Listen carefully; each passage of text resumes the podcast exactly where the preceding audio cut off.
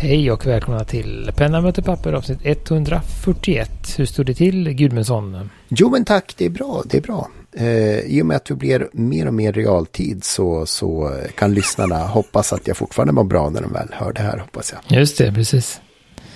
Eh, och Lindeskog? Ja, det är helt okej. Okay. Och själv? Jo, nej men det är väl, eh, ja det är väl okej. Okay. Det är bra. Back on track. Ja, men lite så. Det ska återgås till arbete och sånt snart här. Så att det... Ja, hur gör man? Vad är koden? Ja, men det är lite sant. Jag har liksom gått och tänkt på sånt under veckan här. Vad, vad gör jag på jobbet egentligen? Och kommer jag fortfarande ihåg? Det finns ju en teori om att de flesta av oss borde inte vara längre än en vecka borta från jobbet. För att eh, förr eller senare kommer de på hur de klarar sig utan den. Men då blir, blir har du sett den eh, Gudmundsson, den här eh, The Office? Ja, jag har sett The Office. Ja, och Gustafsson också? Engelska eller amerikanska förresten? Ja, den här med, som med Staplen. Office Space. Ja, Office Space menar Ja, Office Space har jag sett många gånger. Den ser jag var tredje år, fjärde år. Nej, den har inte jag sett än. Sen, ja, den får du ju se. Jo, jag vet, men det... Det blev inte så den här gången heller. Nej, för, för där är det ju så om ar arbetet. Mm. Det är en kraft, kraftfull eh, film som handlar om alienation. Den är nästan fransk i sin, i sin eh, alienationskommentar. Nej. Mm. Men det var ju kul att du drog upp den Martin, mm. för att vi har ju lite återkoppling sedan förra gången. Oh. Uh, en till film att lägga sig i skaran då, det är ju då uh, filmen Kingsman, The Secret Service, som ingår i en serie av uh, filmer yeah. som handlar då om, det är väl brittiska underrättelsemän som utför uppdrag i smyg. Mm. Kungens man, som den gamla Na, na, na, na, na, na, ja, just det. Na, na, na, na, Men då är den väl aktuell nu då? Då är det King Charles. Sådär, och då eh, finns, har jag då länkat till ett klipp när det är någon eh, ny aspirant som kommer in i vapenförrådet faktiskt och ska bli då han, och det är liksom är väldigt, den är ju väldigt brittisk på det sättet att det ska vara liksom kostym och, och gentleman och hela den biten då. Och så finns det ju då i detta förrådet finns det ju pistoler, paraplyer, hattar, fina skor. Är det mobiltelefoner också som var en förgången era? Han pekar på något. Nej, det, det, det...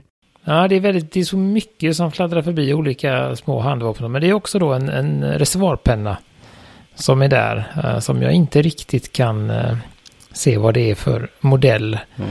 Oh, oh. Uh, men den var ju väldigt avancerad och man kunde fälla ner någonting för att uh, aktivera något, något, gi ja. no, något gift eller sådär. Då. Så att uh, det är kul och lite liksom bara inlagt som ett, en av alla deras maniker. Så den passade väldigt bra in i, i förra avsnittet. Ja. Uh, så den, den länkar vi till där. Ja. Och sen tänkte jag, jag har det väl med det sådär, när man går och tänker själv så, så dyker det ju upp saker.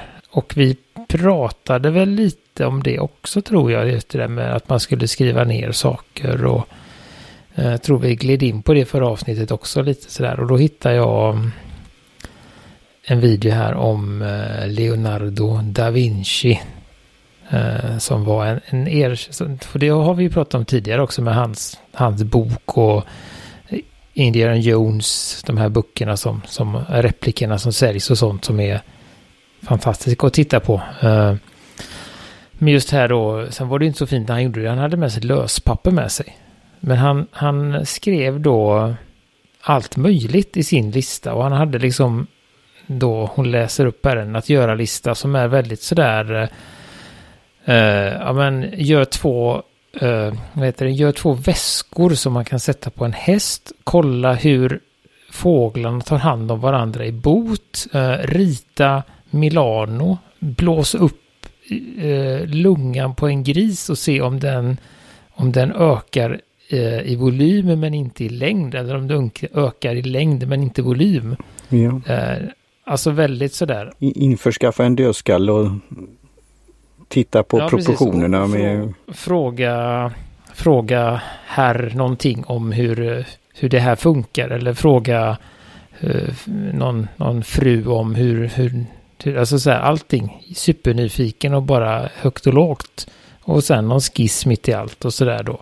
och det var ju då hans sätt att, att liksom behålla nyfikenheten och att han, eh, Eh, han, han värderade verkligen ingenting utan det är verkligen högt och lågt. Och eh, mitt uppe i allt detta då så kommer en ritning på någon flygmaskin och det kan vara en, han, eh, till exempel när han ritade, vad heter det?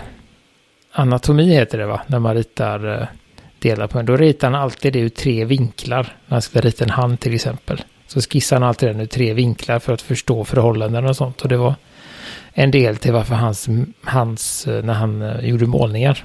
Varför människorna ser liksom så, inte verkliga ut, men de har, en, de har väldigt bra proportioner för han har liksom förstått hela. Just. Ja, men det är ju de här snitten. Grejen där, och så den tyckte jag var, var väldigt eh, rolig och att han hade liksom också sådana här stora saker som till exempel eh, han skulle mäta någon stad mm. och rita av den. Eh, det är ju ingenting som man gör en handvändning, men det fick liksom trängas det man eh, allt, allt och inget. Ja. Jag tror hans, vad var det, man har hittat bara en bråkdel av det, det han skrev. Jag tror han skrev Tiotusentals. Eh. Ja, sidor som han skrev under, under sin, sin tid liksom. Och, och det har vi ju haft också. Sen gick han ju då med de här lösbladen och band han inte in dem. Han hade någon som han lämnade över och gjorde böcker då. Anteckning. Ja, just det. De gjorde böcker till efterhand där, ja. Uh, så det, det tyckte jag var väldigt intressant och det är en intressant video och, och på det om att komma igång och att skriva ner saker och inte, inte gallra sig själv och så. Ja, jag gillar det. Jag fick en liten tankeställare. Så Det är därför jag gillar de här notecarden, notecards, anteckningskorten. Men också lösbladssystem då, även då att kunna ha plats för att uh, doodla och skriva och så. Men sen kanske jag inte kommer ge mig på det här med då eh, vad heter det, spegelvänd skrift då. Det gjorde han ju också då. Mm. Löste han problemet när man skriver ner saker som man ska göra, att man inte gör dem sen också? Han har ju lyckats med en del i livet tänkte jag, men... men... ja, det var rätt mycket. det är ju det som är så fascinerande. Renässansmänniska. Han har liksom gjort så mycket så att det är ingen som bryr sig om det han inte gjorde. Utan det, är liksom, det väger över där till att han, han kom över någon, någon limit som känner att... Om man inte ritar i Milano så, så, så, så förstår vi varför. Ja, precis. Han hade lite annat att göra och, och vissa av hans saker har man ju först eh, nu börjat förstå vad ritningarna betyder. Eh, så att han var ju väldigt långt före i, i sitt, i sitt eh, tankesätt och liv där då. Eh, så att han, eh, ja, så att det är, eh, nej och det här sammanfaller med, jag har ju mitt, jag har ju min lilla bullet journal och jag skriver i den, men jag har ju också märkt att jag har försatt mig i ett system, alltså ett eget system, som jag har svårt att bryta mig ur. Och när jag då får en tanke så känner jag att, att det blir ett motstånd att skriva ner det för att där har jag börjat med något annat. Och om det bara är något litet eh, så vill jag inte börja på en ny sida för att den sidan kan man ju ha till något annat. Alltså det blir, det blir för mycket tankar innan jag skriver ner det. Och det är därför jag har liksom börjat att kolla sånt här då. Och tyckte att detta var intressant även för, för denna podd. Ja, jag tycker det var väldigt, ja, jag fick som sagt aha-upplevelser och funderade verkligen där. Och jag har ju det här systemet. Sen är det att göra, sätta det i, som Gudmundsson säger, att få det då gjort och göra, alltså, ha den där rutinen och lära sig det och det blir som en dagligdags, eller hur ofta man nu gör det. Men jag skaffade det här japanska med just ring, liten ringperm och lösblad och det är väldigt fint papper. Det finns alla möjliga papper för olika ändamål. Allt från to-do-list till just skisspapper och lite annat. Så det, det, jag börjar ju närma mig det här men sen är det ju alltid trevligt att ha anteckningsböcker i olika former. Och skissböcker och, och vi, vi kan ju nämna det, det var ju som en parentes, men det är ju det här algoritmerna då, den här du skickade med handy, handy stand eller det här eh, Handy desk. Handy desk ja. Någon, ja men precis, det är en lite, vi kan länka till den också, det är en lite längre en lite längre video med uh, en herre som skriver mycket. mycket ja, han har väl lite, ska säga, inga, jag vet inte i övrigt, men han har lite liknande. Han har testat väldigt mycket i sin, uh, i sin uh, han har väl någon form av common place book skulle jag väl kalla det när han skriver ner saker och han gör lite likt Leonardo att han, han tecknar ibland, ibland gör han collage, ibland sätter han in något eh, sån här, vad heter det, polaroidaktigt kort och... Det är lite som scrapbooking. Ja, men han gör allt möjligt och då han har testat och testat. Han har skrivit för hand och han har skrivit på maskin och han har testat eh, hur många olika böcker som helst. Han har hållit på med detta sen, eh, jag vet inte, början på 2000-talet någon gång då. Och har väl eh, liksom kommit fram till olika saker. Det är, till exempel så har han kommit fram till att vissa saker eh, som man skriver ner vill man kanske ha vid ett senare tillfälle. Och då sitter ju den sidan fast i boken. Det finns inget sätt att liksom uh, varken liksom ta ut den eller vissa saker kanske man vill göra sig av med. Eh, och börjar man riva ut sidor i en bok så, så försvinner ju boken snart då. Så att, och han har också lite problem med att när man skriver i en Ja, bok, det- när man kommer ner på sidan så försvinner stödet för handen. Så att den sista tredjedelen på sidan har han alltid lite slarvigare handstil än i början. För att han har liksom inget stöd för handen längre. Så då byggde han ett system som han kallade Handydesk som är liksom en eh, väldigt fin träplatta, är lite större än A5. eh, Med en liten lucka under där han har det Ja, lite som de här skolbänkarna. Så det var... men lunta papper där som han har med sig. Så tar han ut ett papper och så skriver han och eh, istället för att flytta handen så flyttar han pappret. Så då har han alltid samma handposition och då får han fin text över hela pappret och han är också fri att som han sa testa. Han kan ha alla möjliga papper. Det är ju roligt också. Du kan ju ha en eh, allt möjligt vad som finns. Du kan ha Tomo River, eller du kan ha något Midori-papper eller du kan testa det här Mot- Clairefontaine. Motordriven rulle. Som liksom man aldrig tar slut på pappret. Som bara feedar det nerifrån.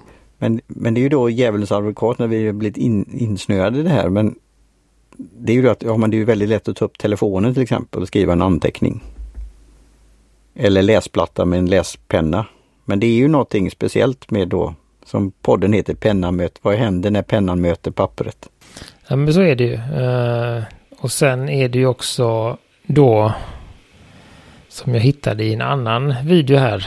Eh, om vi tackade ChatGPT för förra avsnittet får vi väl kanske tacka Googles algoritmer eller YouTubes algoritmer. Men det, ja, nu avbröt jag Gustav. Det är ju det också att när man väl tittar på videos där så kan du du slut till det kommer de här kattvideos och annat, vilka jag ty- tycker om. Men det är ju det att det lägger sig någonstans också, de här tankarna idéerna och flödet.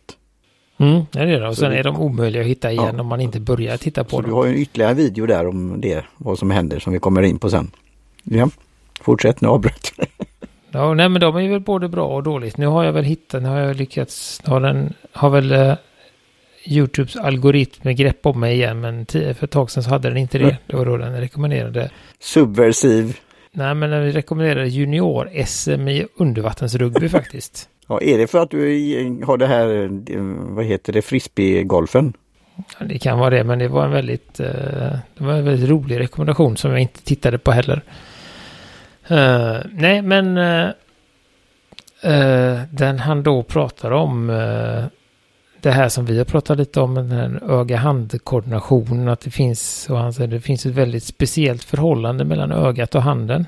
Eh, de är väldigt bra kompisar och de gillar varandra mycket och de tycker om att göra saker tillsammans. Och just när man då skriver med en penna eh, så aktiveras någonting som heter retikulära aktiveringssystemet. Som är en, eh, ett system som, ett, liksom ett, vad heter ett nätverk av saker. Ja, Eh, lite... Ja, Sensorer. Hopkoppling. det är ett ganska, ganska diffust spritt system av vakenhetsreglering i, i basalare delar av hjärnan så att säga. Ja, eh, och för, tappar man det systemet så hamnar man i koma. Usch, ja det... Ja, alltså man kan säga att det, det är väl liksom avsett att låta oss vila ibland också. Jag misstänker att de flesta av våra lyssnare har lite pågående aktivitet i det retikulära aktiveringssystemet. Annars hade de somnat. Skulle de sen se en tiger som gick förbi utanför fönstret skulle de bli ännu mera vakna. Så att eh, det väl reagera på lite stimuli. Och just den här då, ö, skriva är, är ju någonting då som verkligen sätter igång det här och gör att man lättare får eh, lättare kan fokusera. Man håller sig vaken snabbare när man skriver än när man bara lyssnar. Det är mycket lättare att somna när man bara sitter på föreläsning och, och låter tankarna gå liksom. Det, fin det, finns ju det om man inte tycker det här är ett sömnpiller då, som vi pratar om nu så finns det ju faktiskt poddar som är just avsedda för att man ska somna. Det, fin det finns sådana också. Men det som jag tyckte då, för att hoppa i, alltså, det var ju det här att få avslut på något sätt, arkivera, att skriva ner någonting för att inte de här tankarna ska fortsätta snurra, snurra, snurra. För han tog exemplet att du vaknar upp. För det är någonting som du har tänkt på och inte fått avslut på eller något du ska ha gjort på göra-listan eller vad det nu är. Men att, att det finns någon funktion när du skriver ner det då i slutet av dagen eller innan du går och lägger dig. Att det blir någon form av avslut. Men då fick jag den här, innan jag glömmer den då, tanken att, att också ha an, penna och, och anteckningsbok eller papper när du sover. För tänk om du vaknar upp och kommer på den där bra idén eller vad det nu är. För telefonen bör du inte ha så väldigt nära dig kanske i sänggången. Om det inte är att du ska mäta din sömn. Det finns ju sådana appar. Så vad säger Gudmundsson om det? Uh, ja, alltså visst, uh, vi, vi lär ju oss att skriver vi ner någonting så kommer det att vara för all framtid bevarat. Så att det är ju ett sätt att få bort de här uh, stressande tankarna på att du kommer att glömma bort någonting. Sen pro problemet i min värld är väl att det ibland blir så här vad är motsvarigheten? Det finns read-only memory. Det finns ju write-only memory. Att man skriver ner någonting och så ser man aldrig på det där pappret igen. Så att det blir liksom inte helt hundra procent att det blir gjort. Men eh, det kan nog vara en, en eh, frågan om det, det är hjärnfysik eller om det bara är någon ritual som man, som man lär sig att nerskrivet är bra. Det, det som han nämnde här då i den var just att, att det just när det är mer Alltså när det handlar om abstrakta saker, kanske känslor eller, eller funderingar eller man kanske ska liksom ta något, ja, man har något val, man, så här, eller man bearbetar någonting. Att när man skriver ner det så får man någonting konkret för första gången. Och när man har det på papper då kan man börja liksom jobba med det. Uh, och att för att annars så blir det lätt som du sa Martin, man hamnar med loop, man tänker liksom samma sak. Man kommer ingenstans. Man tänker runt, runt, runt i den här loopen. Men när man får ner det så, så med hjälp av då den här ökade vakenheten som man får när man skriver ner det så kanske man också lyckas bearbeta det från ett annat håll eh, och sånt. Och så det var det han, det han var, var inne på där då. Sen är ju skriva en superkraft. Man ökar sitt arbetsminne, man, man eh, kan konkretisera och sådär. Så att det, det, det har hjälpt människan. Ja, hur var det? Hjärnan krymper men, men eh, det blir effektivare om man kan skriva. Nej, så det, och det har jag märkt också ibland när jag, när jag sätter mig. Jag försöker ju ha någon liten session varje kväll när jag, när jag avslutar på något sätt och, och ibland så, så är det ju svårt då, även om det är liksom en avkopplande och nervarvande aktivitet, så är det också lätt att, att uh, man skriver ner någonting och så kan man fastna i det att det blir för intressant om man vill skriva mer om det eller man börjar tänka. Alltså det är väldigt mycket som kan sättas igång också. Vilket gör att de här tänkta 10 minuternas skrivsession kanske blir 40 minuter. För att det, det, man får igång någonting. Så missar du sömntåget och ligger där till klockan halv tre. Ja, men precis. Och kastar mm. dig och blir av med jobbet bara för att du skrev lite för mycket. Mm, precis. Så att det är och då får man ju skriva om det. Ja, då kan man skriva om det ett tag. Ja. Och så vänder man dygnet och så börjar man spela dataspel och så. Söker inte de jobben, blir av med dagersättning från AF. Mm. Men annars? annars är det nog en bra idé det där att skriva en liten stund före kvällsgåendet. De perioder jag har gjort det har jag känt mig piggare. Men skriv på papper och inte på din mobil är väl en... Eh... Ja men precis, det är det. Och det är ju den här, för där finns inte den, där är de inte riktigt lika bra kompisar ögat och tummen.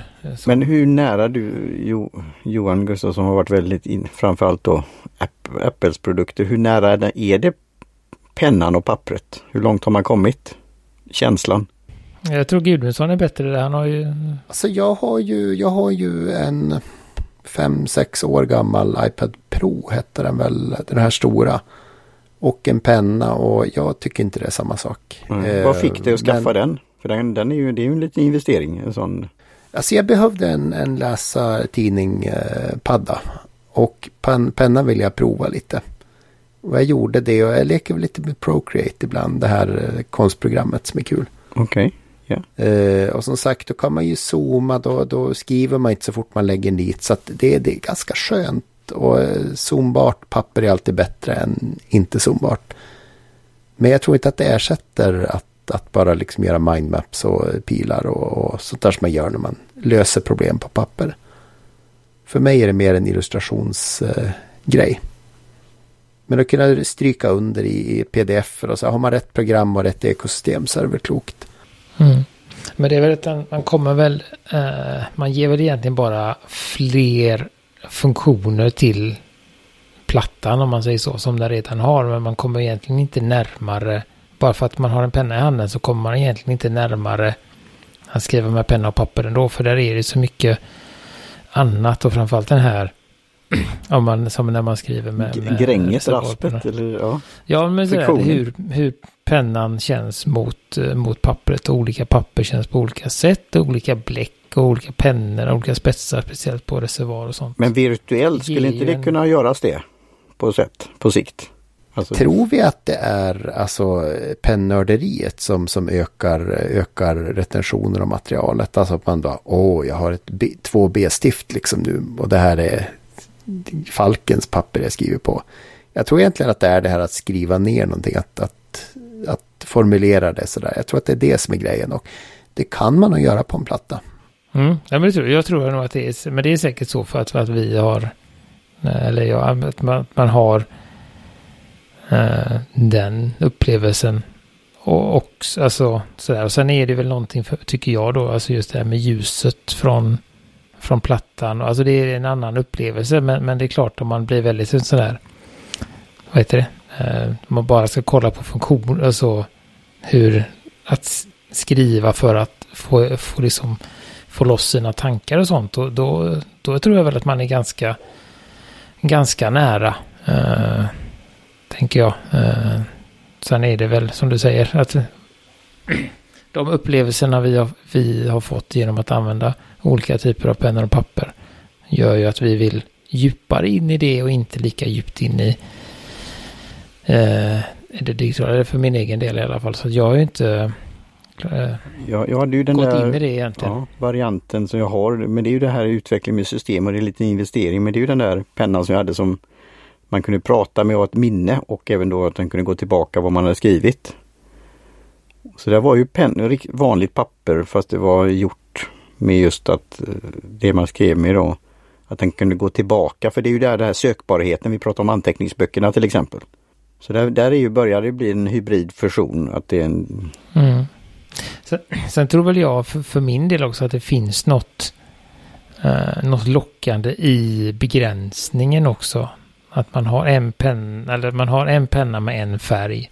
Och vill man byta så får man fysiskt byta till en annan penna eller man vill göra tjockare linjer då får man ta sådär. Men mens på plattorna så finns det ju, då har man ju alla de här möjligheterna igen och då kan det också ibland bli ett hinder att man, oj, ja, nu så, så, oj, ja, och nu kan jag ta en röd penna här och sen blir den bra. Så det blir, man hamnar, kan hamna lite långt ifrån det där att, att bara skriva ner.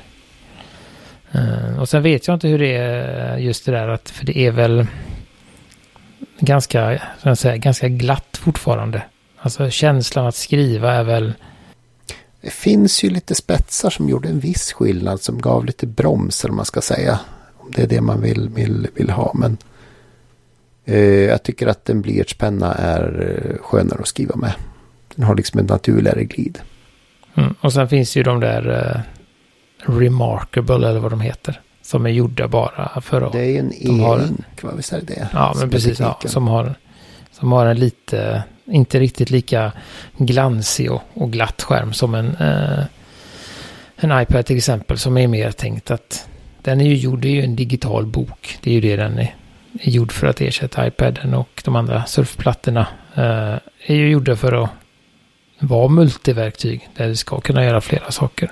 Så att eh, det finns ju olika, olika varianter där. Men det är det, alltså det är det jag tänker med, med pennor och annat. Ett, eh, marginalanteckningar och understrykningar. För de, de perioderna man har läst mycket, alltså eh, research tänkte jag säga, forskning. Nej, men man läser, man läser akademisk, akademiska journaler så använder man ju pennan på ett annat sätt. Och jag tror att med en bra program och lite backup-möjligheter på något vis, att man kan slänga in egna tankar och så, här, så, och så, där, så kan nog pennan vara ganska effektiv i läsningen. Eh, alltså det är ingenting som ersätter en bok om man bara ska skriva av sig. Men just, just det här att läsa aktivt. Man slipper printa ut miljarder A4-sidor som man sen inte kommer att hitta igen. Utan ja, det menar samlat, på pennan att, på plattan ja, liksom. och jag tänker att om man då kan liksom ta någon genfunktion och skriva några längre tankar och det sitter kvar i pdf-en. Att det, det kan nog effektivisera eh, inhämtade material lite, tänker jag.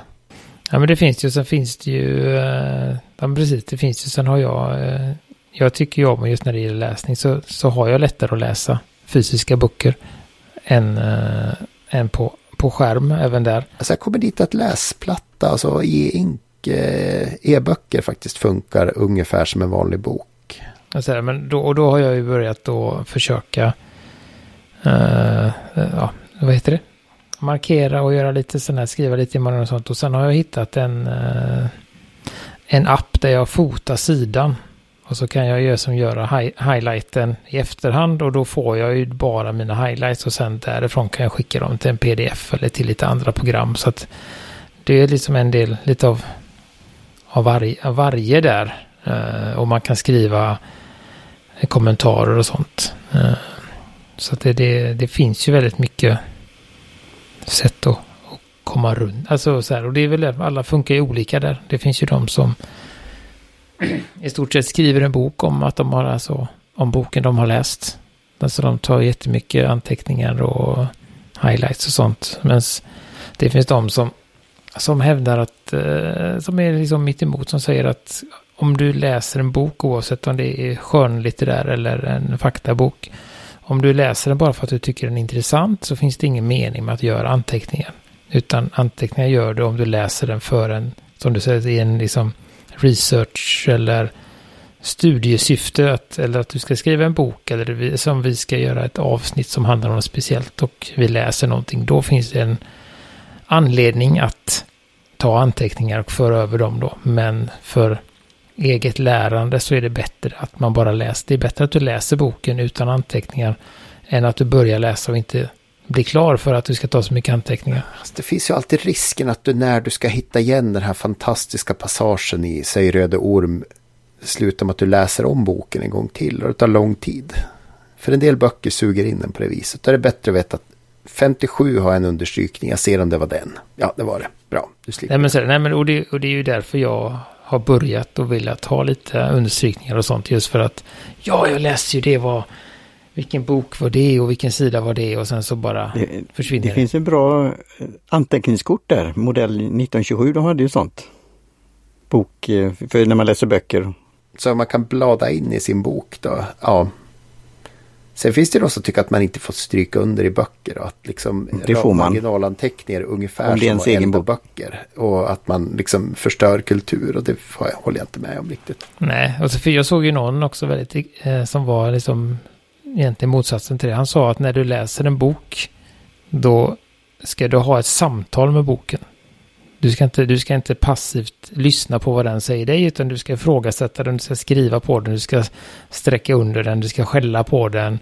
Eh, du måste absolut inte läsa den i ordning, utan du läser ju det som är intressant. Du kan hoppa precis hur du vill. Jättedumt om det då är en, en, eh, en skönlitterär bok, men, men om du läser en faktabok, någonting, så kan du, för ofta så är de ju, de knyter ofta, om du hoppar in på kapitel 10, så refererar de ofta till, alltså de har det är inte så att man inte förstår någonting utan de har lite kopplingar och så. Så sa han, till slut så har du läst hela boken men, men börja med det som är intressant för att komma in i det och, och ifrågasätt och bara för att någon har skrivit det så betyder det inte det är sant. Så det finns ju massa... Jag förstår det mer och mer ju äldre jag blir. Det är bra. Är och är det ett förord och du inte är särskilt investerad i ämnet, hoppa förordet. Alltså, vissa saker blir, lär man sig mer och mer. Och man måste inte läsa ut alla böcker man påbörjar heller. Nej, man ger dem 50 sidor, 100 sidor. Och är det så att man efter 100 sidor känner att det här var plågsamt. Men härom, härom månaden så fast ju med, vad heter den, Kim Stanley Robinsons Green Earth, en någon så här uh, eko science fiction. Och den var bra. Ungefär till 80-90 procent av boken var läst. Då var det, nej vad är det här? Det här var jättedåligt. Men jag, då kände jag mig tvingad att läsa ut den. För jag tänkte det kanske har någon twist jag inte har tänkt Ja, nej, men så har man kommit så långt så är det väl, då känner man väl en... en... Då kände jag mig lite kränkt. Nej, men... Ja, nej, men jag har läst någon som, jag kommer inte ihåg vad det men jag vet jag läste en sån bok som var sådär vansinnigt bra. Och sen helt plötsligt så bara, men vad, vad hände? Här har jag, sista hundra sidorna har jag liksom väntat på något och så har ni bara gett upp. Det, vad hände? Fick inte ihop stor historien liksom. Så, att, ja, så kan det vara som att den är säkert bra på sitt sätt men det är då stilen och annat som i Rosens namn till exempel, Umberto Eco. Där tycker jag ju filmen är väldigt bra. Men jag ska nog vid tillfälle gå tillbaka till boken och läsa den också. Men där var det så mycket fotnötter och mycket referenser och, och språket så jag, jag, kom liksom inte vidare. Men nu kanske jag skulle kunna göra det då. Så. Hans, hans stil där och även i Foucaults pendel är ju makalöst pratig. Alltså, alltså droppar referenser till, till eh, personer och böcker som fanns vid tiden. Eh, så att den är väl eh, en acquired taste. Ja, så det var, det var lite gott och blandat sig bjöd på idag här. Det blir som sommarpratarna. För lite färre lyssnare. Och lite mindre musik. Ja, men det kan komma i framtiden. Det finns en men, eh, lösning på det också. Men podd, Sommarpratarpodden är ju, har de ingen musik i. Är det en, en det menar poddversionen? Så är musiken ja, förkortad av upphovsrättsliga skäl? Ja men precis, att man hör lite, lite att ja, nu lyssnar de på musik men vi vet inte riktigt. Så, 5-10 sekunder. Så att, eh, men det kommer vi inte lägga in här heller. Eh, så, så att har vi något mer att tillägga på detta? Nej. Uh, ospecifika men intressanta ämnen. Och du hade ytterligare någon video som jag ska titta på sen om Leonardo da Vincis liv där.